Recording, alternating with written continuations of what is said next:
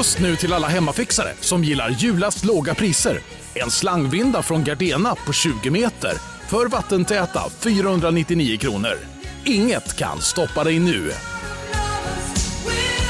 Om en sous på väg till dig för att du hörde en kollega prata om det och du råkade ljuga om att du också hade en och att den var så himla bra att maten blev så otroligt god och innan du visste ordet av hade du bjudit hem kollegan på middag nästa helg för att du sålt in din lågtempererade stek så bra att du var tvungen att beställa en på nätet fort som attan. Och ja! Då finns det i alla fall flera smarta sätt att beställa hem din sous vide på. Som till våra paketboxar, placerade på en plats nära dig och tillgängliga dygnet runt. Hälsningar Postnord. Barcelona, the new champions of Spain, are the new champions of Europe. It's a treble in all. Ten years after United's own, and Guardiola has had a fantastic first season. Victory for him against the veteran manager. As we hail the new kings of Europe, Barcelona. Vad var vi Erik? Barcelona hade vunnit Champions League 2009 va? Ja, klubb, lag, spelare hade tagit sig till toppen av världen. Och det är väl där vi plockar upp historien igen. Vi gör det på andra sidan sommarlovet 2009. Och för Leo Messi börjar ju den efterföljande säsongen med den spanska supercupfinalen mot Athletic från Bilbao. Och han har fått lite förlängd sommarsemester. Han är inte med i den första matchen uppe i Baskien, utan han kommer lagom till returen, ja, dyker mer eller mindre upp i flipflops och avgör det hela med två mål. Och Pep Guardiola ruskar mest bara på huvudet och slår fast att ah, det är inte bara den bästa spelare jag någonsin har sett, utan det är den bästa spelare jag någonsin kommer att se.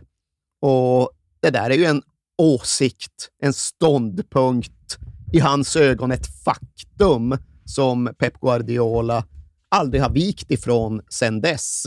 Mer än tio år har gått, men det spelar ju liksom ingen roll vad Pep Guardiola får för frågor på presskonferenser numera. Handlar det om vem som är bäst i världen så är alltid svaret Leo Messi. Handlar det om vem som är bäst i världen genom tiderna så är alltid svaret Leo Messi. Handlar det någonstans om att fördela favoritskap så är Guardiola sån att han liksom bara ställer en retorisk fråga. Vilket lag spelar Messi? Ja, Ja. Argentina slash PSG. Ja, då har de favoriter. och där Ja. befann han sig sommaren 2009 och där har han blivit kvar. Messis status var odiskutabel. Däremot så fanns det en del annat som skulle hända med hans lag.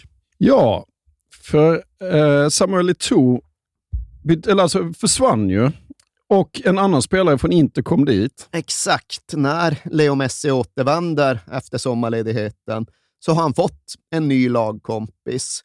I teorin en ny lagkamrat, någon att samarbeta med och kombinera med uppe på topp. För precis som du säger så hade Pep Guardiola bestämt sig för att Samuel Eto'o skulle knuffas ut från lag och klubb. Och det fanns någon typ av personlig slitning i grunden där. Eto'o är ju en stark karaktär med stora anspråk och han tyckte väl att han skulle få lite mer strålkastarljus och lite mer uppmärksamhet och lite mer uppskattning. Men det var liksom inte i den riktningen Pep Guardiolas lag rörde sig. Tvärtom så var ju Pep och hela klubbens övertygelse att även om nu Messi var etablerad som bäst i hela världen så skulle det ändå bara bli mer och mer och mer Leo Messi framöver. I grunden handlade det här med Eto'o om att eh, Leo Messi skulle flytta in centralt i planen. Det var ju någonting som Guardiola hade fuskat lite med, experimenterat lite med på våren. Falsk nia på Bernabeu, falsk nia i Champions League-finalen. Och det tänkte han sig att fortsätta med, att accelerera, att använda som utgångsplan. Och då är det klart att då är det svårt att se en självklar plats för Samuel Eto'o.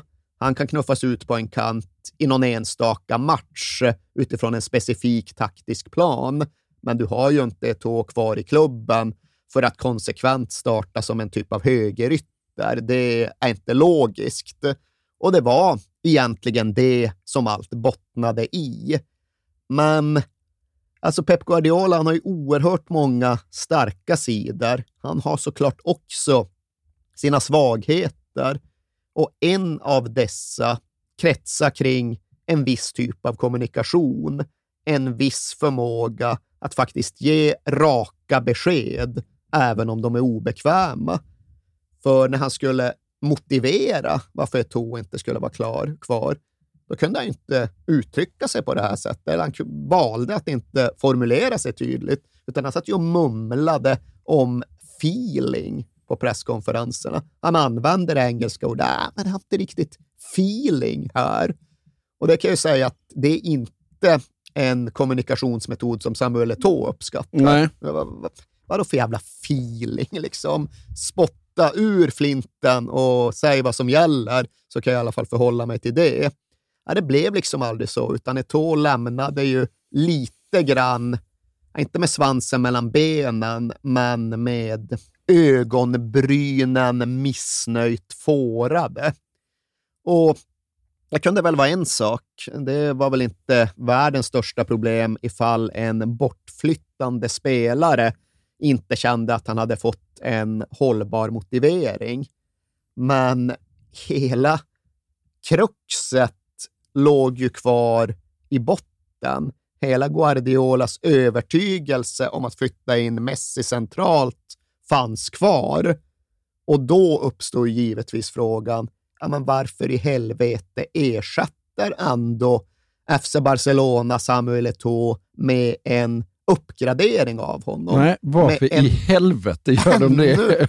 mycket mer uppmärksammad, välbetald, stjärnstark centerforward som hette Zlatan Ibrahimovic och som kostade en oerhörd massa pengar.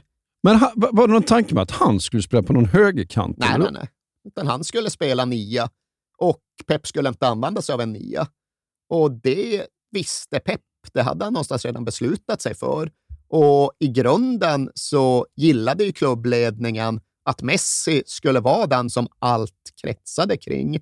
Men det där har ju aldrig riktigt fått någon tydlig förklaring. Ja, men varför värvade egentligen FC Barcelona Zlatan Ibrahimovic? Och vems värvning var det? Så som jag har tolkat respektive utsagor och olika versioner så är det väl kanske även här en fråga om att Pep Guardiola faktiskt inte har klarat av att kommunicera tydligt nog. Utan de ovanför honom, Laporta och Chiqui Begiristain och så, de fick ju ja, men i stort sett, Mino Raiola satte sig på dem ja. och meddelade att här finns det en möjlighet att hämta in Zlatan Ibrahimovic. Den möjligheten vill ni inte missa. Och de såg ju en uppsida, givetvis. Zlatan med allt han kom med. Alla spektakulära trollkonster, all medial uppmärksamhet, all karisma och all merchandise-potential. Ja, det är väl klart att eh, det vore kul. Vad säger du, Pep? Och då är min tolkning, ja, de mumlade väl ja. mest någonting om feeling och att det aldrig är dåligt att ha bra spelare att välja mellan. Det är där han borde bara sagt, ja, men det kommer inte... Det kommer inte funka, Nej. för jag tänker använda Messi centralt. Exakt. Det är min vision och det hade ju besparat ganska många rätt mycket trubbel. Ja, inte minst Zlatan. Framförallt ja. kanske Zlatan, för den här säsongen i Barcelona blir ju det närmaste han någonsin kommer en livskris där han faktiskt tvivlar på sig själv och vem han är och vad han står för. Och vi ska inte dra igenom hela den säsongen från Zlatan Ibrahimovics perspektiv. Det kanske vi gör någon annan gång. Ja. Men nu kan vi ändå konstatera att Guardiola inledningsvis ändå tar trekvarts steg tillbaka. Okej, okay, det där med Messi centralt, det får väl lov att vänta lite, för vi, nu har vi en två meter lång skåning som står där inne vid straffpunkten och ska ha bollar. Så vi får väl försöka få det att fungera. Så Messi inledde säsongen ute till höger, trots att inte det var idén. Han hade ju fullt mandat att vandra inåt när helst han ville, men det blev någonstans så att Pep satt och gjorde det här lite halvt motvilligt. Hans instinkt sa honom att det inte var rätt väg att gå, men nu fick han ändå lov att vandra ner för den stigen. Och dåligt gick det ju fan inte. Framför allt kanske inte för Zlatan Ibrahimovic. Det måste ha blivit ännu mer problematiskt tror jag. Ja, någonstans Ja. komplicerade ju det Ja. ytterligare för en Pep som slet ett allt tunnare hår. Eh, det är klart att det var kul att Barcelona vann matcher och det var väl i grunden inget problem att Zlatan kom in och var bra, för det var han ju. Ja. Han var ju riktigt bra första tiden. Gjorde mål i, tror jag det var, de fem första ligamatcherna i Precis. svit och avgör ju El Clasico den hösten. Och när ligan tar vinteruppehåll, ja då har ju Zlatan gjort fler mål än Leo Messi. Ja. Zlatan har gjort 11 mål, Leo Messi har gjort 9 i ligaspelet.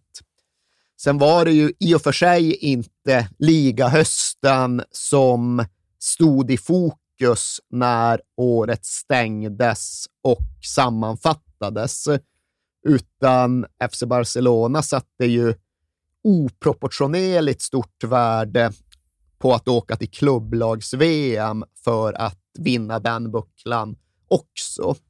Och det gör ju normalt sett inte europeiska storklubbar. Syd och latinamerikanska klubbar tar det på oerhört allvar. Minns Flamengo 81. ja, visst. Men europeiska storklubbar, ja, de åker ju oftast till något Abu Dhabi och liksom backar sig igenom turneringen på halvfart och tar det mest som träningsmatcher. Men här anstränger sig FC Barcelona, för här ser de ju möjligheten att bli historiska, att göra något som inga andra tidigare har gjort. Att vinna sex jävla bucklor under säsong slash kalenderår. Så de är ju bekymrade när Atlante från Mexiko går in och krigar som om klubbens existens hängde på det mötet. Atlante från Mexiko tar ju ledningen och från början så skulle de ha sparat Messi, men äh, du får fan lov att hoppa in och vända det här. Och visst, det gör han. Han hoppar in och så gör han 2-1 och så vänder de. Men sen är det egentligen samma grej i finalen mot ett svårtuggat Estudiantes. Även där så leder ju faktiskt argentinarna fram till 89 minuten. Och det är en oerhört stor sak för dem. Kan än idag känna att de hade, ja, hade unnat dem att lyfta bucklan. Men ja, Barcelona kvitterar i 89 och sen vinner de i förlängningen och så har de därmed tagit tidernas första sextuppel. Och det gråts och Pep Guardiola känner ju att han har nått regnbågens slut och ja, men framstod ju som helt jävla ostoppbara. Vilka skulle kunna besegra det här laget? Vilka skulle kunna stoppa dem från att ta en sextuppel igen 2010?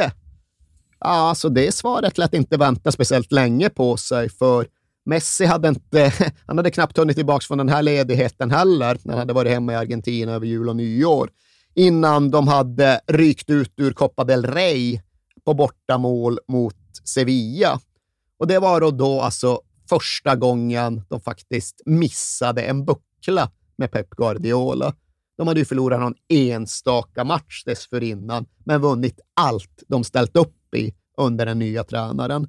Nu så kunde de inte försvara sin spanska cup och Leo Messi satt i omklädningsrummet och grät otröstligt efteråt. Och jag tittade ju tillbaka och bara, just fan, det var den där, ja, ja, men Sevilla, Copa del Rey, vem brydde sig om det? Det kändes som att det bara spolades förbi mitt uppe i allt annat. Men det pekar ju också någonstans på hur jävla självmotiverad Leo Messi Ja. alltjämt ändå var.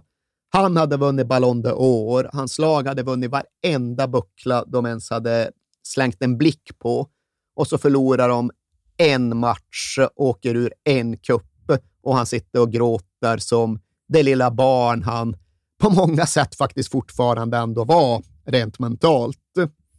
Och det där uttåget mot Sevilla i Copa del Rey, det följdes därefter av en period då laget hackade lite grann och då Leo Messi ja, men inte var riktigt uppe på samma prestationsnivå som han hade varit året dessförinnan.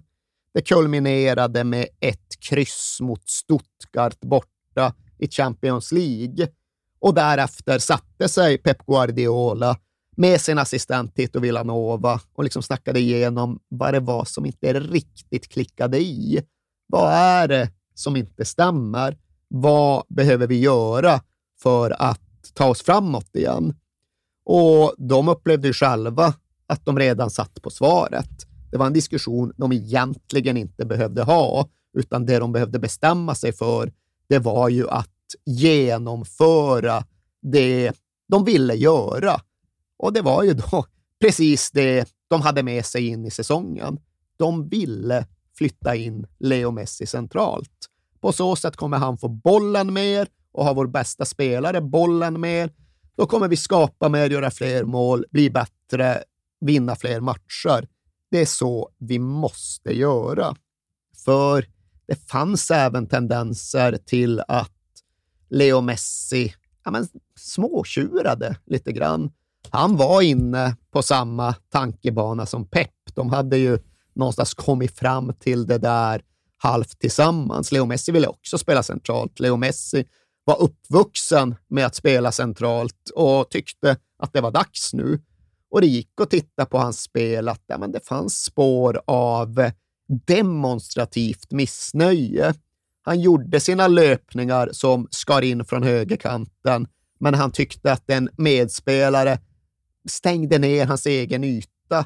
Ja, men då stannade han bara och slog ut med händerna och promenerade sen hemåt och struntade ju helt i att liksom bidra defensivt på högerkanten. Så det var rätt många motståndare som ändå hittade en jävla yta att använda för att kontraslå. De visste att där på den där högerkanten, där fanns bara Dani Alves. Ja. Och hur bra nu han än var så kunde han ligga ur position ibland. Och hur bra nu han än var så är det jobbigt att spela ytterback helt utan understöd. Ja, fan. Så ja, det behövde ske, den här förändringen ja. som de redan hade bestämt sig för att prova på. Och nu var det dags men inte riktigt hela vägen fullt ut. För egentligen så var det ju den där liksom falska nia-rollen som tanken kretsade runt. Men du kan liksom inte spela falsk nia ifall det samtidigt finns en äkta nia Nej. på plats. Så ja, vi börjar så här att vi flyttar in Messi, men han får spela som klassisk tia, alltså då som kreatören bakom centerforwarden Zlatan Ibrahimovic. Och så började de. Så såg den första positionella korrigeringen ut. Men sen inföll ju en sån här riktig nyckelsekvens som bidrog till att besegla Zlatans öde i den andra matchen med den formationen. Almeria borta. Zlatan går och får rött kort efter sisådär en timmes spel. Och Ja, han får troppa av. Barcelona är nere på tio man. De ligger dessutom under i det läget och det blir upp till Leo Messi att bära offensiven mer eller mindre själv. Och det har han ju inget emot. Det tar fem minuter sedan han valsade in kvitteringsmålet. Och därefter, med Zlatan avstängd, ja då får ju Messi den roll han själv har strävat mot, som Pep Guardiola har velat ge honom. Och det går ju inte det går inte dåligt i den positionen direkt. Men jag måste bara fråga veckorna. det här smset då. Vilket av dem? Ja, men det här när han, när han är olycklig i bussen och, och, och mässar eh, till Guardiola, att eh, typ ingen tycker om mig längre. Så... alltså, jag vet inte i vilken utsträckning det är bevisat och dokumenterat att det verkligen var på det sättet det gick till. Men så som ja, vi i alla fall kan sträcka oss till att återberätta det hela, så är det ju inte på det sättet att Messi har gått till Pep och sagt Zlatan måste bort. Nej. Så har det inte varit. Men när Messi har sökt upp Pep för att vädra det missnöje han ändå gick runt med, så då är det ju lite så att, ja, ah, vad är det Leo, nu slutar det igen. Du vill prata men ändå säger du ingenting. Vad är problemet? Ja, men jag vill inte ha den här rollen på högerkanten. Jag vill spela centralt. Aha, och Liksom vad tror du att, vad skulle det innebära för laget och de andra spelarna? Det struntar ju Messi ja. utan han bara säger att jag vill spela centralt Jag vill helst inte vara tia, utan jag vill ha den där ytan för mig själv. Det innebär ju i praktiken att Zlatan måste offras, att Zlatan ja. måste bort. Men det är inte i den änden Leo Messi börjar med att ställa sina krav. Nej. Han säger vad han vill, vad han tycker sig behöva och förtjäna. Och sen så låter han liksom inte konsekvenskedjan löpa längre än så. Han förstår ju vad det innebär. Alla förstår ju vad det innebär. Men det är liksom inte så att problemet är att det finns en kille på ytan som borde vara min. Ja, och problemet blir då Guardiolas. Eh, och problemet för Vilket honom... också är helt rimligt. Ja, ja. Men, det... men problemet är ju också, precis som du har sagt, att han är ju inte speciellt bra på att kommunicera. Hur jävla lätt är det att kommunicera i det läget? Han, de har köpt en spelare för 70 miljoner euro som spottar in mål och sen så, ja, nu ska jag förklara för honom att nu, nu går inte det här längre. Nej, och det går ju inget bra. I alla fall inte utifrån Zlatans sätt att uppfatta det hela. För han har, varit, han har varit ganska tydlig jo. runt sin version. Och det ser jag ju inga som helst anledning att tvivla Det är garanterat gå till exakt Verkligen. så. Zlatan ja. söker upp honom och liksom, ja, men vad händer här? Nu är jag plötsligt ett förtroende som jag märker är mycket mindre. Vad är problemet? Har jag inte spelat bra? Har jag inte gjort det ni har sagt åt mig? Har jag inte anpassat mig till Barcelona? Vad är det och vad kan jag göra? Och då får han ju typ inga svar, Nej. utan bara liksom vaga muttranden och mumlanden. Och anledningen är att Pep redan har bestämt sig och att klubben för den delen redan har bestämt sig att Messi ska få det Messi vill ha. Ja. Och då hamnar Zlatan i kläm. Men precis som vi har konstaterat tidigare, att ja, det är inte här problemet uppstår. Det är inte i mars 2010, utan det är ju sommaren 2009 då klubben tar beslutet att värva honom trots att han egentligen då inte ingår i tränarens framtidsplan. Nej, och det är helt sant. Men samtidigt så är det ju så här att ja, men Guardiola säger sanningar, men han kan ju inte säga sanningen för att han måste ju skydda Messi som är liksom den stora klubben. Och skulle han säga ja, men Messi måste spela där, Ja, men då, då, skyddar, då, då, då utsätter han ju Messi för någon... Jag ser inte riktigt problemet. Han får mm. väl säga som det, är alla, som det är, att jag tycker och jag tar beslutet att Leo Messi ska spela centralt. Det är visserligen vad han själv önskar sig, men det är framför allt det jag tror blir bäst för laget på lång sikt. Och då har ju Zlatan all rätt i världen att ställa liksom den eh, befogade följdfrågan. Ja, men vad fan säger du det här nu för? Ja. Varför får jag inte höra det när vi förhandlar om övergången? Och den frågan vette fan vem som kan besvara på ett bra sätt. Nej. Men här i mars, eller vad det nu är, så tycker jag väl mest problemet är att Pep väljer att mumla snarare än att berätta för Zlatan vad som verkligen gäller. För det får han ju aldrig riktigt höra. Nej. Det får han bara liksom slutleda sig fram till själv utifrån ja, men vad som händer och sker och blir alldeles uppenbart. Ja. Nej, men Zlatan hamnar i en pissituation, men jag förstår Guardiola också. Ja, men det är klart att man ja. förstår Guardiola, för när väl Messi får den här rollen så går det ju liksom inte att ifrågasätta utfallet. Zlatan hade varit jättebra som nia. Han hade gjort många mål och mycket nytta. Men när Messi får operera från samma yta, ja, alltså Zlatan gjorde typ ett mål per match, Messi gör tre mål per match. och då, vad, ja. vad säger man? Nej. För ja, första matchen som de startar på det sättet efter att Zlatan har fått det där röda kortet, då gör han hattrick mot Valencia hemma. Och det är otroliga mål. Framförallt Ja, det första är en så här klassisk otrolig dribblingsräd och det andra är också sjukt snyggt. Och därefter är det Champions League-match och då får ju Zlatan spela. Han är inte avstängd, men det blir ändå bänken för honom. Och Messi får operera där han vill operera och avgör ju det dubbelmötet mer eller mindre på egen hand. 4-0, Messi gör två. Ja, det första är också ett vrickat mål. Han bara springer från mittlinjen. När han väl närmar sig straffområdet så flockas fyra tyska försvarare runt honom och då bara bultar han upp bollen i krysset. Ja. Matchen efter det då, ja, då är visserligen Zlatan tillbaks i startelvan borta mot Zaragoza, men då börjar det gå att se att det är en lite stuk lyckad och tilltufsad Zlatan som unikt nog faktiskt tycks spela med någon form av självtvivel. För han slår bort chans efter chans. Och Messi spelar en typ av tia och han virvlar ju fram läge efter läge och Zlatan bara missar dem. Aha, får jag väl göra det själv då, tycks Messi tycka. Och ja, man gör ju hattrick ytterligare ja, en ja. gång.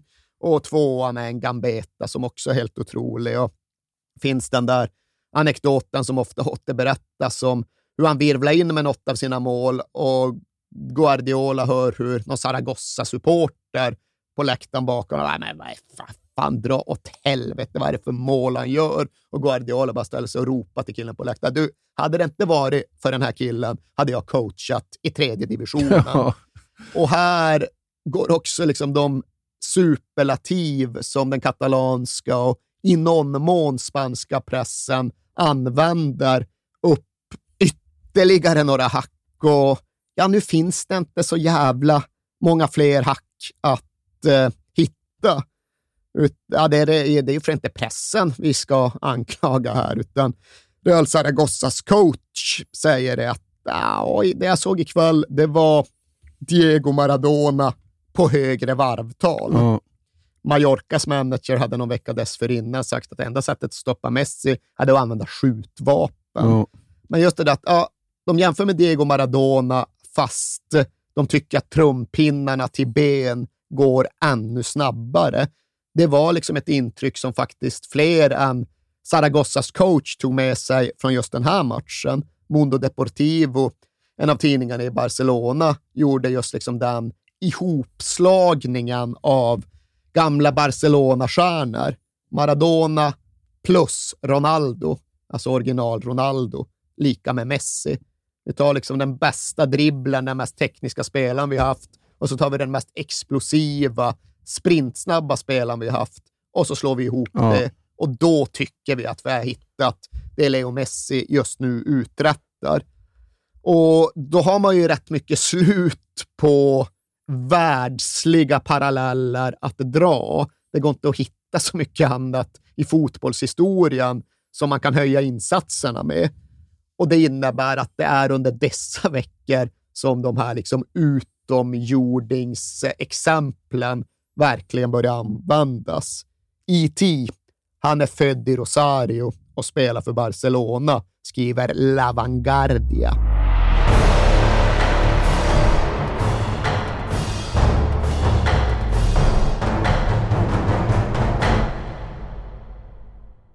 Jag vill inleda med att säga att det är garanterad jackpot på 13 miljoner på Stryktipset. Och fy fasen. Ja, visst.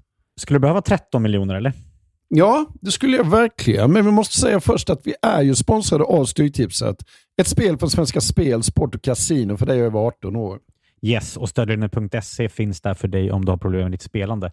Nej, men 13 miljoner ja. jackpot på Stryktipset, det är ju inte fel. Nej, då är det faktiskt dags att ladda en rejäl rad här känns det mm -hmm. som. Vet du vad som inte heller är fel? Nej. Födelsedagsfirandet och alla härliga mm. historier vi får in. Exakt, mm. för vi är ju mitt inne i Stryktipsets 90-årsfirande som vi firar med att läsa upp fantastiska historier från våra lyssnare yes. som skickar in dem till kings at perfectdaymedia.se. Precis, bomba på nu. Det är åtta månader kvar på det här firandet, så att, eh, vi kör nu. Mycket Stryktipshistorier vill vi ha mm. och i dagens har vi fått från Peter som skriver så här. Hej på er och tack för en helt otrolig podcast. Den har räddat mina veckor i snart fyra år. Tack så mycket Peter. Min historia är ganska färsk, men den om när det vände på stopptid gav kanske inte de största pengarna, men känslan i mig består. Jag spelar ofta för lite mindre pengar på Stryket, följer fotbollen men är långt ifrån en nörd. Och allt såg väldigt bra ut senast, förutom på min etta på Manchester United mot Brentford. Mm -hmm. var, ändå väldigt, eh, var ändå väldigt nöjd med hur resten satt. Men på stopptid satte min nya favoritspelare, skotten McTominay, två mål och vändningen fullbordades. 64 rader blev 12 000 kronor. Tack för en bra podd. Det är podd. otroligt. Ja. Tack för en bra historia Peter. Ja, och som man älskar Scott McTominay. Gör man inte det? Ja, det gör man faktiskt. Han liksom kommer in i straffområdet jävligt bra faktiskt. Mm. Vi säger stort tack till våra vänner på Stryktipset. Tack.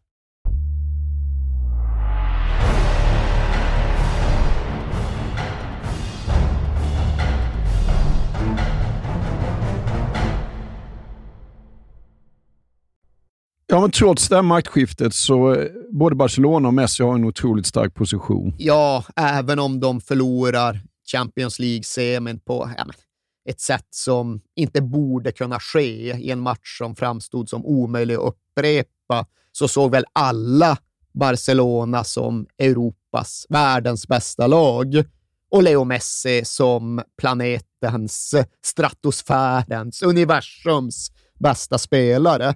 Sett över hela säsongen 2009-2010. Alltså Barcelona vinner ligan med 99 poäng. De förlorar bara en match. Och Leo Messi gör 34 mål i ligaspel. Det var liksom 80-tal sen senast någon gjorde lika många. Och då var det Hugo Sanchez som voltade och bicykleta sparkade in så många mål. Och därtill så går ju också Leo Messi och vinner sin andra raka Ballon d'Or. Och det var ju faktiskt aningen oväntat i och med att hans polare från FC Barcelona gick och vann hela VM och Andres Iniesta avgjorde som bekant finalen. Mm. Därför höll väl de flesta Iniesta, eller möjligen Xavi, som favorit. Messi själv trodde att någon skulle, av dem skulle vinna och det gjorde han innerligt. Det var hans övertygelse. Men när allt kom kring så var det väl svårt för många att rösta på Xavi eller Iniesta, trots att de då hade vunnit VM. För de såg ju de här spelarna varje vecka och hur fantastiska de än var, så var det ju uppenbart för blotta ögat att Messi såklart var bättre.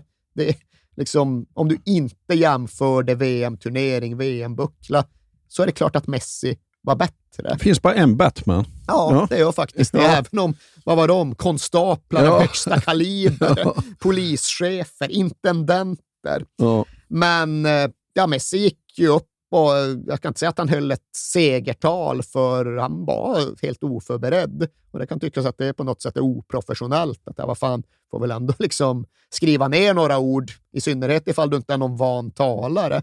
Men han gick ju bara upp och stammade lite förvirrat och förvånat kring att han jävlar hade vunnit Ballon d'Or ytterligare en gång. Och på något sätt var väl kanske inte det här Leo Messis personligt största Ballon d'Or, utan det här var ju klubbens, FC Barcelonas, La Masias Ballon d'Or. En ungdomsakademi tar alltså ett clean sweep på hela prispallen ja som eh, korar världens allra bästa fotbollsspelare. Ettan forstad på La Masia, tvåan forstad på La Masia, trean forstad på La Masia och därtill var Kalles Pujol med ganska högt upp, så 10-11 eller något i ja. den stilen. Ja, det, det finns en möjlighet att eh, de inblandade kan känna ett visst mått av självbelåtenhet i ett sånt läge. Som till exempel då Laporta passade på att trumma på om, både här och dessförinnan, att ja, vi skapar Ballon d'Or-vinnare. Vi köper dem inte. Nej. Och det var ju en ganska tydlig passning till en annan klubb lite längre inåt landet. Ja. Men Mourinho som sagt tar över Real Madrid och, och Mourinho kommer möta Guardiola så det räcker att bli över den här säsongen. Ja, ja, men det är ju det som är den här säsongen.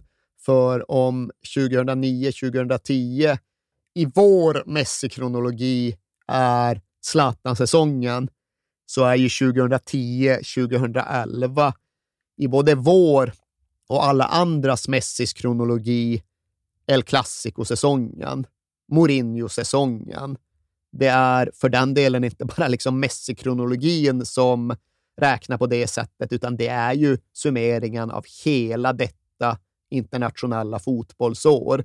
Det är frågan om det någonsin har varit så självklart att hela jävla fotbollsvärlden faktiskt graviterade runt de här två superklubbarna och dess två olika supertränare och dess två olika superstjärnor. Det var det som var centrum. Real Madrid mot FC Barcelona, José Mourinho mot Pep Guardiola, Cristiano Ronaldo mot Leo Messi, vitt mot rödblått eller om du så vill svart mot vitt. Ja. Det var ju ganska tacksamt dramaturgiskt att det för så många framstod som just den ljusa sidan mot den mörka Ja. sidan. Gott mot ont på något sätt. Och det var ju också tacksamt att de själva gärna iklädde sig dessa skrudar och roller. José Mourinho hade ju inga problem med att företräda skurkeriet och det hade egentligen inte Cristiano Ronaldo heller. Och Pep Guardiola hade ju inga problem med att någonstans stå för det präktiga och lite självbelåtna. Nej. Och det hade uppriktigt sagt inte riktigt Leo Messi heller. Han passar bra i den castingen han också. Och första klassikon är i slutet på november, va? Ja, och den är rätt minnesvärd för alla som då har med FC Barcelona att göra. För alltså, det är ju oväntat att den ter sig som den gör. För alla hade ju då förväntat sig att Mourinho skulle komma in och ja, men någonstans kanske ha en lite interfärgad matchplan. Men nej, tvärtom. Den här matchen går han ju in med dragna vapen, blanka svärd, blottat bröst. Han skickar in sina spelare för att liksom mäta sig mot Barcelona vad gäller att spela boll, passa boll, gå framåt, eh, skapa chanser, lira offensivt. Och det går ju totalt och käpprätt Ja. åt helvete. För ja, Messi han utgår från samma falska nia-yta som han då hade gjort när eh, Guardiolas lag åkte till Bernabeu och vann med 6-2. Och det hade väl varit ganska rimligt att man hade sett den matchen eller Messis utveckling under det dryga år som gått och tänkt att ja, det där får vi ju se till att stänga till och skydda. Ja. Men när då Messi fick en jävla balsal att valsa runt på och det blev ju på ett sätt inte hans match, för han gör ju faktiskt inte mål. Men han dominerar och dikterar och sätter tempot och skapar chanserna och är katalysatorn som innebär att FC Barcelona då besegrar José Mourinhos uppumpade Real Madrid med 5-0. Ja. Och de hade förvisso besegrat Real Madrid med 5-0 tidigare, men det var ju just då historiska segrar som var besjungna i årtionden. De hade gjort det då Cruyff var spelare på 70-talet och de hade gjort det då Cruyff var tränare för Dream Team på 90-talet. Men det här var en match som, ja, på ett sätt kanske passerade dem vad gäller mytologisering, men om inte annat i alla fall liksom sorterade in sig själv jämsides med några av de absolut mest klassiska segrarna i klubbens historia. Och vice versa då. Florentinos Perez, han beskrev det på fullaste allvar som det allra värsta resultatet i hela Real Madrids historia. Och det befäste ju också allt det där som Barcelona var så stolta över och så belåtna med. Att ja, vi gjorde detta med våra egna. De där liksom akademikillarna som står högst upp på, på Ballon d'Or-podiet. Det är dem vi använder oss av för att vinna med 5-0. Det är vår fotboll vi använder oss av för att besegra Real Madrid med 5-0. Här har ni hela handen. Här har ni La Manita.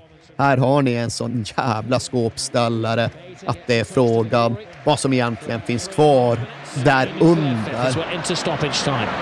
Bojan's cross. Will it be far?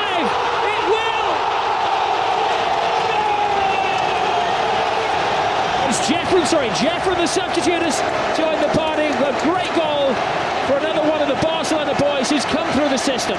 Well, look at the celebrations, rather the players, the despair again of Real Madrid. Incisive attacking play, en masse. Every member of the squad, the coaching department, everybody's there. PK holding five fingers up. Ja, det var svårt att utgå från Madrid-håll och hitta någon form av replik på den här kvällen. För de stod där med sitt ihopvärvade lag. Alltså de hade alla sina inköpta stjärnor. Deras startelva var drygt två miljarder spänn dyrare än Barcelonas. Ja. Och de hade tagit in den mest liksom karismatiska vinstgarantin till tränare som gick att hitta och så förlorar de med fem jävla noll. Ja, verkar vara jävligt bra stämning på planen också. 13 gula och ett rött. Ja, det var ju bara en föraning om vad som komma skulle. Du, jag tror nästan du anar vem det var som fick rött kort på övertid. Jag förutsätter att det var Pepe. Nej, det var faktiskt inte det, men det var hans... Ja, men om det inte var han, ja det är klart. Ja. ja. Men ja, den här matchen när spelades den i november, kan det stämma? 29 ja. Ja, och den kom ju att prägla hela återstoden av säsongen. Veckorna gick, månaderna gick, matcherna spelades, men till sist stod vi alla där inför någon typ av fotbollsapokalyps. För Ja. jag var ju på White Hart Lane och såg Real Madrid besegra Spurs med 1-0 i returen av Champions League-kvarten. Och när de gjorde det, ja då stod det ju klart att okej, nu står vi fan vid någon typ av vägs ände här. Nu står vi vid någon sorts historiens slut. För nu ska FC Barcelona och Real Madrid dels mötas i Champions League-semi. De ska därtill spela Copa del Rey-final och de ska därutöver mötas i ligan igen. Och allt detta ska ske under 18 dagars tid. Och allt detta ska ske i en situation då stämningsläget är så uppiskat att det knappt ens gick att se den första matchen framför sig i allt jävla svärdshuggeri som pågick. Och José Mourinho har ju ofta fungerat så att eh, han ger ett lag, en klubb, liksom chansen att spela någon typ av öppen och offensiv fotboll. Och sen är det nästan som att han liksom går lite och väntar på att den attityden ska kosta. Att det ska innebära en jävla smäll. Och då dunkar han ju igen käftarna till helvetets portar. Ja. Då stänger han laget och då sluter han samtliga sina matchplaner och då utgår han från att aldrig, aldrig förlora någonsin igen. Och det var ju den hållningen som hans Real Madrid angrep denna klassiko-svit med. För den första i raden, det var då ligaklassikon. Och sett i tabelläget så hade Real Madrid fortfarande en liten chans att hämta in Barcelonas försprång, gå förbi och vinna ligan. Men någonstans var det som att Mourinho avfärdade det. Det är inte rimligt och realistiskt att vi ska lyckas vinna ligan. Så allt som gäller här, det är att, att till att börja med inte öppna upp oss och förlora med fem bollar, men i förlängningen inte, inte, inte förlora. Strunt i att försöka krympa avståndet i tabellen. Vi ska inte förlora.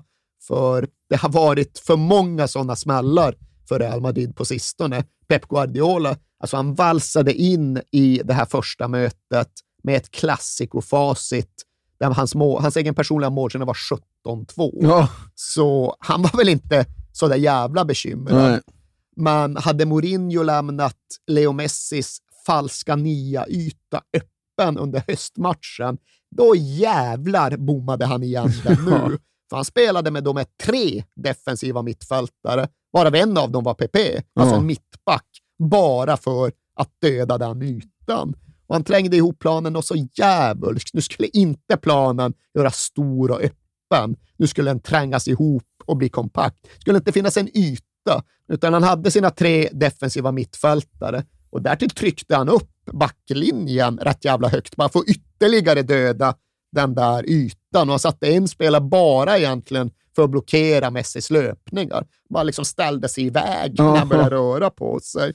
Och ja, de spelade fult och jävligt och gräset på Bernabéu var extra långt för att Barcelona inte skulle få fart på passningsspelet. Och, och han hade dessutom ägnat sig åt ja, med sin egen personliga typ av taktisk kartläggning och upptäckt att Messi reagerade oproportionerligt starkt ifall någon liksom var uppe och petade honom i ansiktet. Jaha. Så det blev ju givetvis en specifik Ja. instruktion i den här matchen. Alla bara, se till att peta honom i ansiktet Ja. mycket, för då tappar han det. Då blir han förbannad som, som satan.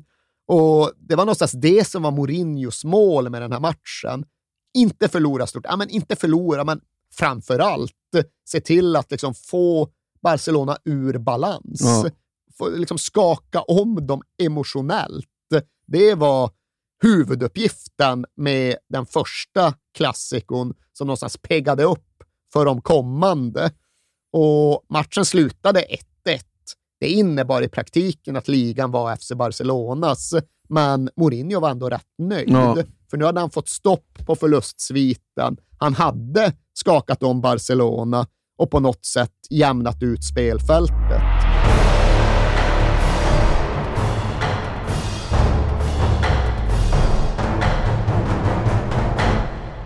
Ska vi gå in på nästa säsong eller? Ja, det är klart att vi ska kronologiskt trogna Ja, som och då är vi på är. hösten 2011. Ja, vi kan ju börja på sensommaren och liksom ändå konstatera att det var inte så att allt det här med de överhettade klassikomatcherna var förbi, att vi kunde stänga det kapitlet, den boken, utan det var ju samma skit in i nästa säsong också. Supercupen, jag struntar i supercuper, men när Real Madrid och Barcelona möts i dem så ja, så blir det uppskruvat. Och, ja, de spelas ju över två matcher och i den här returen, ja, det var i den matchen då Mourinho, alltså, man går ju fram och så petar han Tito Villanova i ögat. Så man liksom, vad, vad är det som händer här? Ja.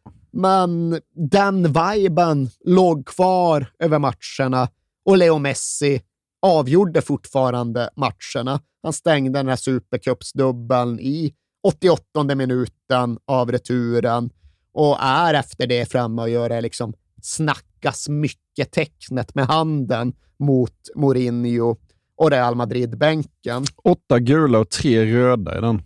Ja, nej, det, var, det var fortfarande just det, det stämningsläget. Ingångsvärdet in i säsongen förstärktes ju också när liksom Messi avgjorde igen. Ja, men det är, han är kungen och FC Barcelona håller hovet. Och de, ja, de samlade ju bucklor på egentligen samma sätt igen som de hade gjort 2009. Vann klubblags-VM igen och den här gången var det liksom ingen diskussion mot sydamerikanerna. Slog Santos med Neymar med 4-0 i den finalen och Neymar kunde bara liksom vara uppgiven på Alex Fergusons sätt. Ja, idag lärde vi oss hur man spelar fotboll. Och ungefär samtidigt där runt årsskiftet så åkte Messi och hämtade en tredje Ballon d'Or i rad och det var ingen som kunde säga ett smack om det. Bara Platini som tidigare hade fått tre Ballon d'Or i rad. Rekorden fortsatte ju komma. Nu började liksom Messi gå in i den karriärsfasen där det kändes som att han slog ett nytt rekord för varje match han spelade, för varje mål han gjorde. Alltid var det någon notering han passerade och i mars 2012, ja då var det en stor sådan, för då gick han och blev Barcelonas främsta målskytt någonsin. Han gick om en gammal stöt som hette Cesar Rodriguez som vräkte in mål på 40 och 50-talet. Ja. Men det riktigt anmärkningsvärda var att ja, Messi tog det rekordet och han var 24 år gammal. Ja. Han bara, ja, vad fan, vad, vart ska det sluta? Nej. Vad kan han uträtta? Några veckor därefter, ja, då satt han gjorde han ju ännu en gång något som ingen tidigare hade gjort. Han gjorde fem mål i en Champions League-match. Och det var inte vilken, men det var ändå en åttondelsfinal mot Bayer Leverkusen. Ja. Messi är dessutom hängig. Hade kommit till Camp Nou med huvudvärk och behövt knapra paracetamol, men går sen alltså in och gör fem mål Ja. i en slutspelsmatch. Hade aldrig tidigare hänt. Har sedan dess hänt en gång till. Och nu ska det bli intressant att höra dig berätta om när det skedde. Och vem som uträttade. Ja, det det måste vara Lewandowski. Nej, inte Lewandowski. Fyra har han gjort. Fyra gjorde han eh, i så fall. Ja. Mot Real Madrid gjorde han det. Ja, det gjorde Ja. han. Stämmer bra. Ja. Det här har jag ett halvt rätt tycker jag. Saken är den att den här är inte enkel att bara resonera sig Nej. fram till. Kan man den inte så är den svårfångad. Ja, Men lite till ska du ändå försöka. ja. Eh, alltså i en slutspelsmatch. Nej, i en Champions League-match ja. överhuvudtaget. Nej, men då drar jag inte det. Det är det självklara svaret är ju då att det är Luis Adriano för Shakhtar Donetsk mot Bate Barisov. Mhm. Och den borde du ha haft eh, bakom vänsterörat. Nej, inte ens under dödshot. Nej, men det är också så, okej, visst det är någon mer som har gjort fem nu, men det är inte riktigt samma dignitet Nej. när man möter Bate i ett gruppspel, Nej. så när man ändå spelar åttondel mot Leverkusen. Men precis som Barcelona hade Messi så hade Real Madrid sin egen superspelare. Kan man, ja. Ja, när Cristiano Ronaldo hade... Han ville i alla fall ha samma... Han eftersökte samma status i Real Madrid som Leo Messi hade internt i Barcelona. Men i och med att Florentino Perez är Florentino Perez så blev aldrig riktigt liksom den interna maktdynamiken densamma. Men för oss som tittade på utifrån så var det ju helt jämförbart. Barcelona hade Messi, Real Madrid hade Cristiano och det blev på något sätt ännu tydligare nu när Pep Guardiola hade försvunnit och José Mourinho uppenbarligen var på väg bort. För de hade ju också fungerat som galjonsfigurer, men på andra sidan av dem, ja, då var det ju Messi och Ronaldo som fanns kvar. Och det blev nästan övertydligt i första klassikon säsongen 2012-2013. För ja, den spelades i oktober. Det var Camp Nou och det slutade 2-2 efter att Messi gjort två mål för ena laget och Ronaldo två mål för det andra. Och även om det såklart hade diskuterats en rivalitet de två emellan i sådär fem år redan, så vill jag påstå att det var någonstans här där det slog över och började bli en historisk epok snarare än en individuell rivalitet. För så är det faktiskt att fotbollen varken förr eller senare har haft någonting liknande. Det har inte funnits den här sortens individuella duell som präglat och påverkat fotbollen på ett så självklart sätt. Det finns inga historiska jämförelser. Maradona och Pelé, ja, de har ju liksom funnits som en evig motpol i den ganska tröttsamma diskussionen om vem som är bäst genom tiderna. Fram till Messi och Ronaldo så var det det som var alternativen. Är det Maradona eller är det Pelé? Men det var ju något annat, för de spelade ju aldrig mot varandra. Nej. Och ja, Franz Beckenbauer mot Johan Cruyff, ja, det borde haft ingredienserna.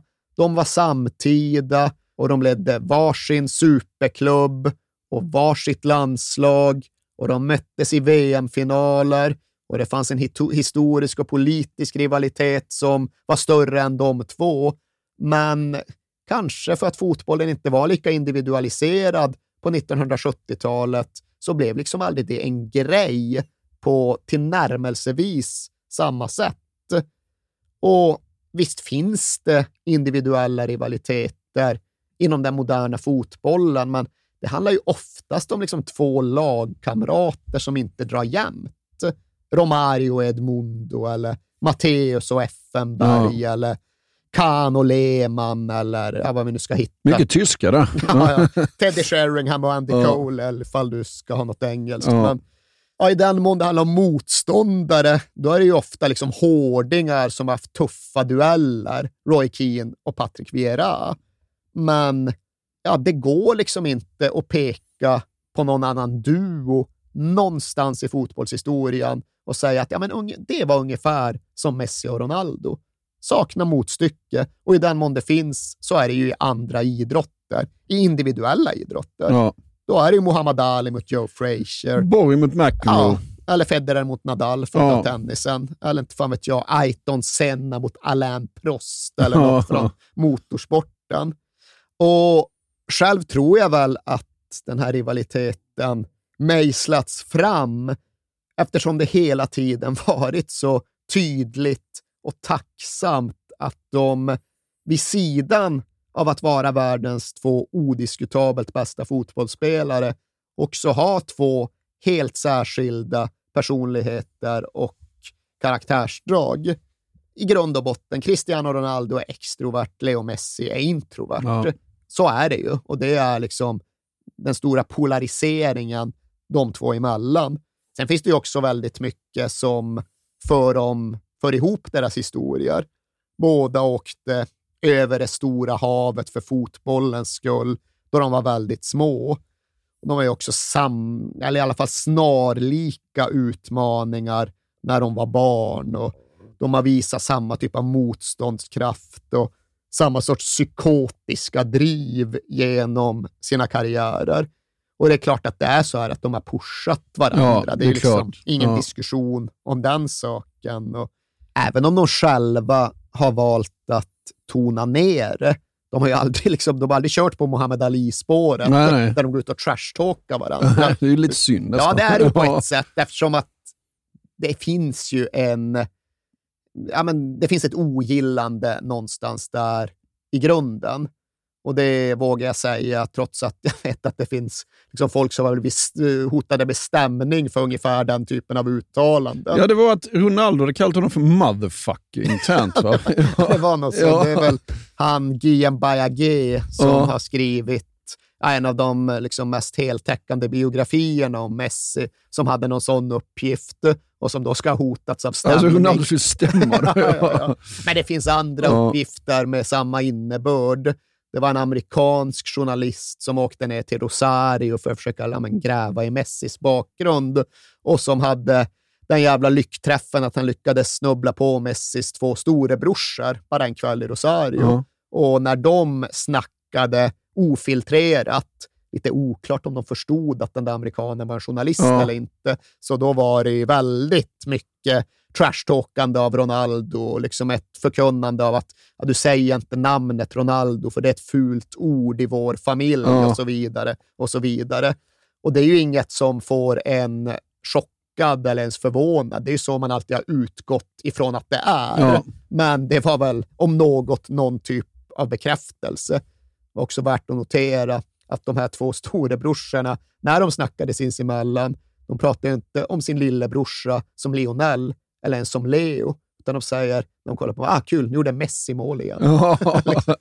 De pratar med honom med efternamn, med Ja. artistnamn nästintill. Men ah, det är ju faktiskt förmodligen, när vi ser tillbaka på det hela, 2010-talets stora fotbollsberättelse, sammanfattningen av då idrottens allra mest individuella kollektiva sport blev mer individualiserad än någonsin tidigare. Jag tror om 30 år inte att vi kommer minnas 2010-talet i första hand för, inte vet jag, dragkampen mellan Spanien och Tyskland Nej. på världsscenen eller ens Real Madrid staplarna av Champions League-bucklor eller Pep Guardiolas. Vi kommer minnas det som Messi och Ronaldo Absolut. årtiondet. Ja.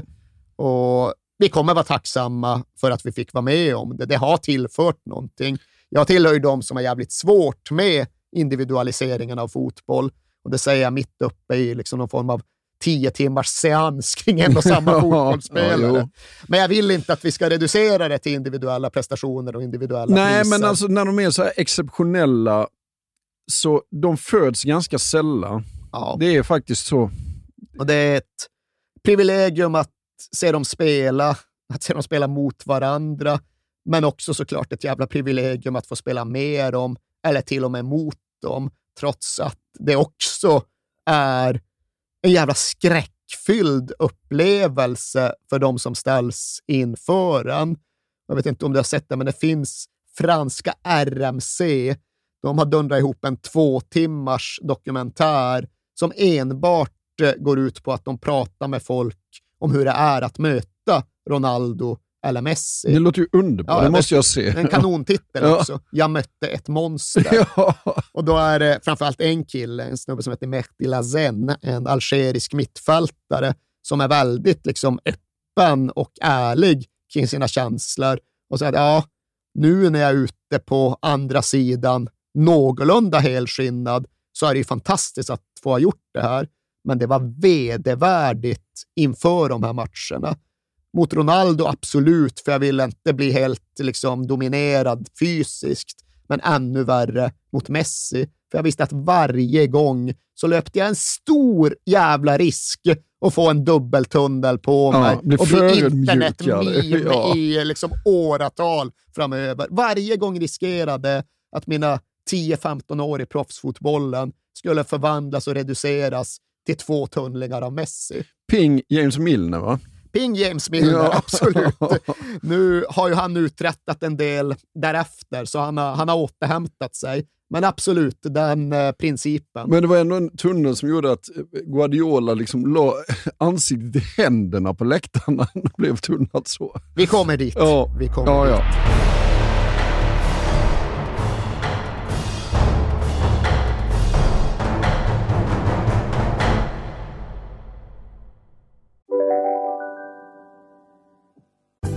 Hej, Synoptik här. Visste du att solens UV-strålar kan vara skadliga och åldra dina ögon i förtid?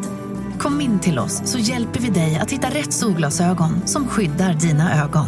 Välkommen till Synoptik. Hej! Abo hemma. Hur låter din badrumsritual? Kanske så här? Eller så här? Oavsett vilken ritual du har så hittar du produkterna och inspirationen hos Apohem. På Sveriges största jackpot-kasino går hypermiljonen på högvarv. Från Malmö i söder till Kiruna i norr har hypermiljonen genererat över 130 miljoner exklusivt till våra spelare. Välkommen in till Sveriges största jackpot-kasino, hyper.com. 18 plus, regler och villkor gäller. Den här säsongen så får väl Messi allvarliga problem även utanför planen, va? Ja, det här med att det ska in en ny tränare i Barcelona och att eh, familjen Messi har sina fingrar någonstans runt den processen. Det är ju en ganska liten sak jämfört med den skattehärva som då börjar nystas upp sommaren 2013. Men vi kan väl bara inledningsvis förklara att eh, liksom företaget Leo Messi länge var jämförelsevis litet. Det var bokstavligt talat ett familjeföretag där ja, men företaget Cristiano Ronaldo, för att ta den jämförelsen, var mycket mer av liksom ett globalt företagsimperium. Under ja, men väldigt många år så var det så att storebrorsan Rodrigo hade hand om press och liksom logistik, kalenderplanering runt Leo Messi. Och den andra storebrorsan Mattias och mamma Celia, de tog tag i det som rörde ja, men Leo Messi och familjens närvaro hemma i Rosario, den välgörenhetsstiftelse som sattes upp där.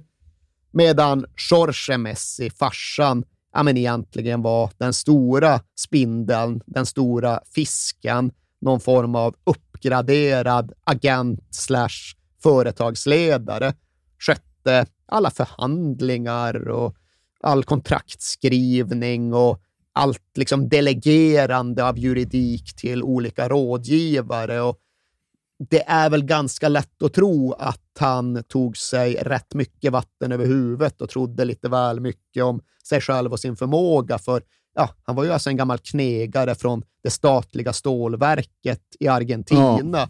Han hade naturligtvis ingen formell utbildning för något av detta, även om han då tyckte sig ha en massa street smartness och förmågan att lyssna på rätt människor och att omge sig av rätt människor.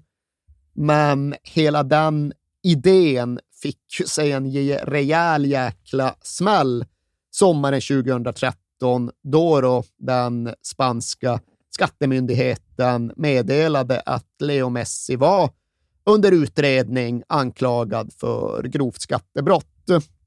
Och det Skatteverket byggde sitt case på, det var den det var upptäckten, den faktiska upptäckten av hur ja, men företaget Messi hade hanterat de pengar som dragits in på image rights och ja, men reklamsamarbete. Det är i praktiken liksom spo hans sponsorpengar. Ja.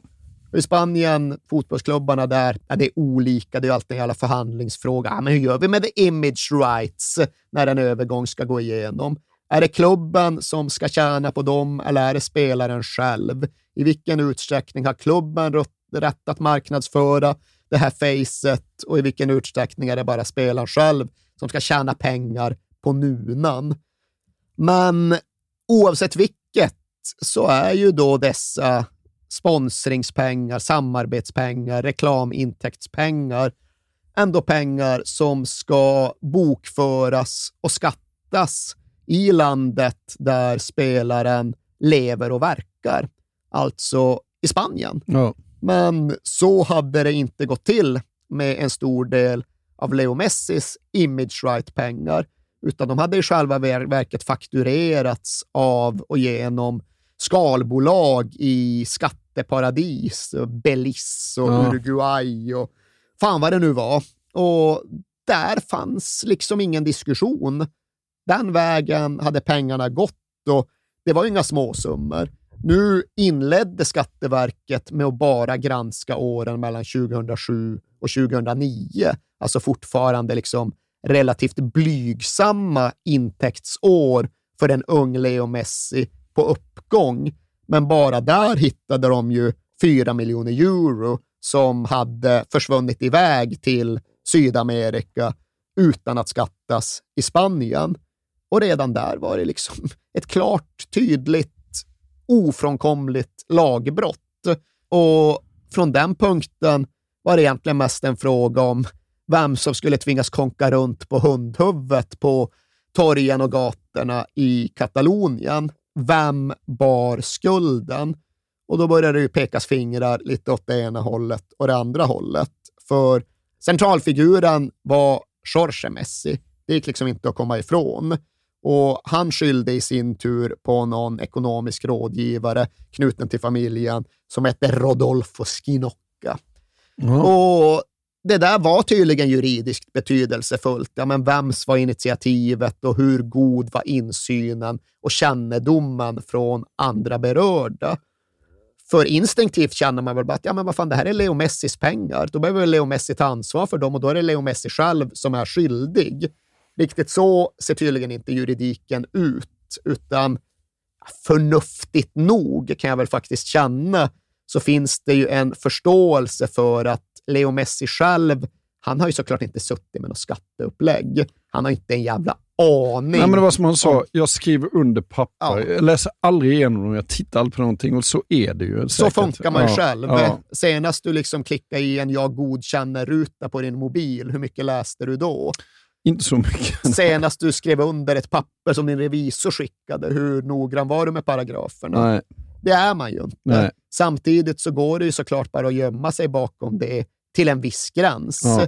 Jag tycker att det befriar Messi moraliskt i ganska hög grad. Inte till 100 procent, för det är klart att man någonstans alltid är slutligen ansvarig. Men rent moraliskt känner jag mig ganska säker på att ja, men det är typ så det har gått till. Och även om det är på en helt annan nivå så hade det kunnat hända mig också. Ja. Tar jag fullt ansvar för alla papper jag skriver på och alla rutor jag klickar i? Nej, det gör jag inte. Jag är slapp. Med en liten eh, brasklapp här. För att det Leo Messi faktiskt kan säga innan han skriver på, det är att säga så här. Ni garanterar att det inte är något fuffens här nu, för jag vill inte ha något skit efter mig. Ja. Det kan han säga. Det kan han Ja. göra och det borde han väl ha gjort. Ja. Men alltså, den typen av kontrollfrågor brukar jag själv ställa. Mm. Och det är ju ganska många gånger någon revisor typ har sagt att ja, nej, men det är visserligen en sorts gråzon, men jag känner mig övertygad om att det här är på rätt sida. Ja. Och så som jag uppfattat det så är det väl ungefär de sortens svar som Leo Messi ofta har fått. Han har inte suttit, det har inte varit skarpt läge, tror jag, att han har suttit. Mm, vänta nu här, vi har en pengaström här till ett skalbolag i Belize. Det känner jag mig inte trygg nej. med. Utan han vill bara generellt, gör vad fan ni vill, maximera mina intäkter. Det har han säkert sagt. Han är ju liksom inget ekonomiskt eller moraliskt helgon, så, utan han vill väl ha hur mycket pengar som det nu är möjligt. Men jag tror ju säkert att han ändå har ut... Ja, men ni sköter väl det inom lagen, utgår jag ifrån. Ja. Och jag tror väl också, och nu är jag ute på jävligt tunn is, jag vet ju inte detta, men det är inte ett uteslutet scenario att Rodolfo Skinocca har sagt till, Messi, alltså till pappa Messi att jo, jo, men det här är lagligt, det här är legit. Varför bara när man hör det namnet så tror man att han är superbrottsling? Ja. Ja. Men oavsett vilket så är ju ett grovt skattebrott begånget och därefter är det någonstans ja, men en fråga om att reda ut den juridiska skulden. Och det där skulle ju såklart hänga kvar över familjen Messi, över Leo Messi. Och det skulle visa sig göra det under en lång jävla tid. För att till att börja med var ju inte själva utredningen i närheten av färdig. Den hade kommit fram till 2009 och för att förekomma den så gick ju familjen Messi frivilligt och pröjsade in ja, totalt 15 miljoner euro i liksom postum skatteplikt. Ja. Först 5 miljoner euro för att reda upp de där första två, tre åren och sen ytterligare 10 miljoner euro för åren som skulle komma. Men därefter tog det ju för evigt för liksom utredningen och för juridiken att just reda ut hur skuldbördan skulle fördelas. Och det kom, kändes som att det upprepades ett par, tre gånger varje år. Det kom nyheten, äh, nu är liksom Leo Messi av kroken. Han kommer inte behöva svara för de här anklagelserna, utan de har bestämt sig för att han hade inte tillräckligt stor kännedom, så han klarar sig. Sen gick det två månader. Ah, men nu ska Messi upp i rätten ändå. Ja. Aha. Och sen samma sak igen nästa halvår. Och så var det. pågick ju i fyra år det där. Ska han liksom stå för rätta? Ska han inte stå för rätta? Ska han? Och det tog ju på honom. Ja. Det har han själv berättat att det är egentligen det enda som under den här fasen av hans karriär fick honom att fundera på att lämna Barcelona. Och det kan man ju tycka vad man vill om. Vad är det för sätt att bara liksom svika eller fly rättvisan? Men ja, det var tydligen så han resonerade. Och ja, men alltså, det är ju frågan hur man ska se på allt det här när man någonstans eh, förhåller sig till allt det Leo Messi är och har varit.